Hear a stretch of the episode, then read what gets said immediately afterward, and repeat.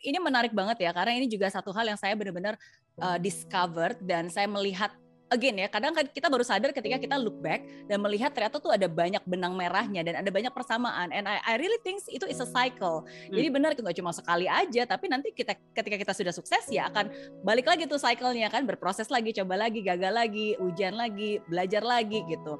Dan uh, kalau saya bisa uh, mungkin menyimpulkan satu hal um, itu ada di kata transition jadi sometimes masa-masa paling sulit itu adalah masa-masa transisi. Okay, because in that transition um, there is a lot of opportunity. Jadi ketika kita ingin bergerak, ingin keluar dari zona nyaman, ingin bertumbuh. Kalau bertumbuh kan berarti kita harus keluar dari zona nyaman. Ya kan kita harus apa ada ada sesuatu yang berubah gitu. Di masa transisi itu pasti there's so many opportunity. Ya, tapi at the same times in that transition there is also so much um, vulnerability. Karena kita kan sedang mencoba sesuatu yang baru, berarti kan kita masih belum tahu, berarti masih banyak salahnya, masih belum tahu apa-apa, banyak gagalnya gitu. And sometimes we feel insecure, namanya juga baru gitu. Nah jadi menurut saya uh, itu sih momen yang yang yang paling sulit ya dan itu nggak akan cuma sekali aja itu akan berkali-kali like like in my life gitu ketika saya transisi dari uh, Indonesia ke Singapura waktu itu kan masih masih uh, masih kuliah, hidup dengan hutang, bertahan hidup hanya dengan 10 dolar setiap minggu, nggak ngerti namanya hidup tuh kayak gimana, namanya bertanggung jawab akan hidup tuh seperti apa. It was not easy. Yeah. especially I have a lot of limitations waktu itu kan, nggak bisa ini, nggak bisa itu, nggak bisa bahasa Inggris, nggak punya uang. Wow, so many insecurities. Uh, and sama ketika uh, akhirnya saya sudah berhasil, terus akhirnya saya um, mencoba untuk kembali ke Indonesia dan dan again um, di bidang entrepreneur, uh, education, memulai membuat uh, my own TV shows gitu itu kan juga I have a lot of insecurity. Saya nggak punya background uh, media broadcasting ya kan ada banyak hal yang saya juga nggak tahu gitu.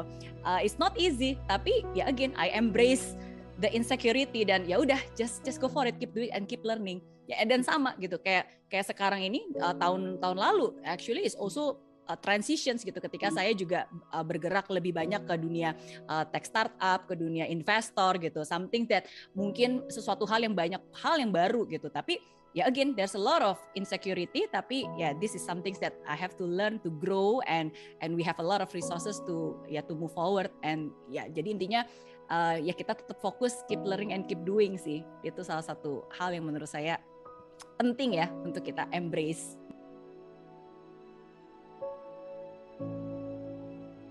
when we have nothing ketika kita belum siapa-siapa dan masih berada di bawah belum punya apa-apa gitu kan sometimes we dare to take more risk. Ya udah coba-coba aja sekarang juga udah segini kok gitu kan. What what is the worst thing that can happen? Akhirnya kita berani mencoba gitu kan. Um, tapi sometimes the challenge adalah ya ketika kita sudah berhasil achieve the hmm. next milestones. Kita mungkin sudah lebih dikenal kita mungkin sudah berhasil mendapatkan beberapa hal gitu kan.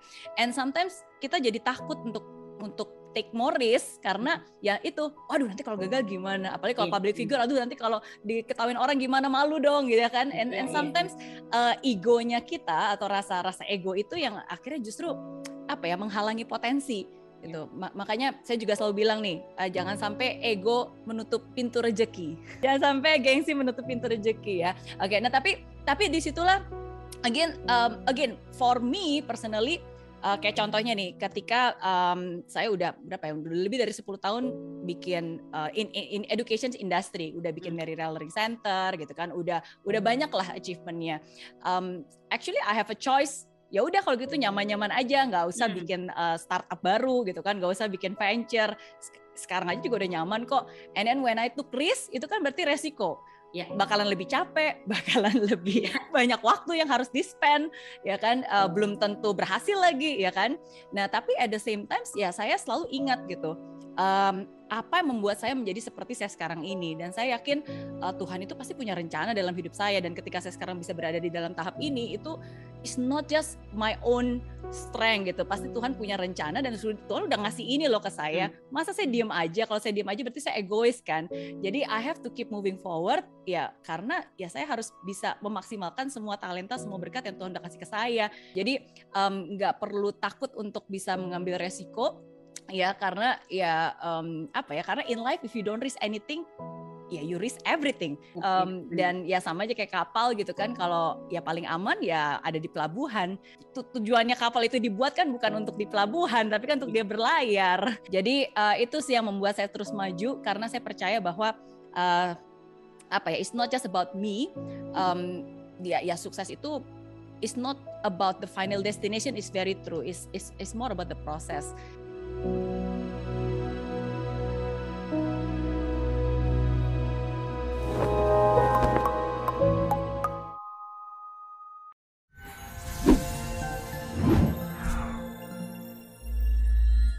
Di aplikasi Mary Riana tersedia lengkap video-video YouTube terbaru saya, artikel yang up to date, post inspirasi, koleksi merchandise, workshop dan seminar yang bisa kamu dapatkan free dan download sekarang juga gratis.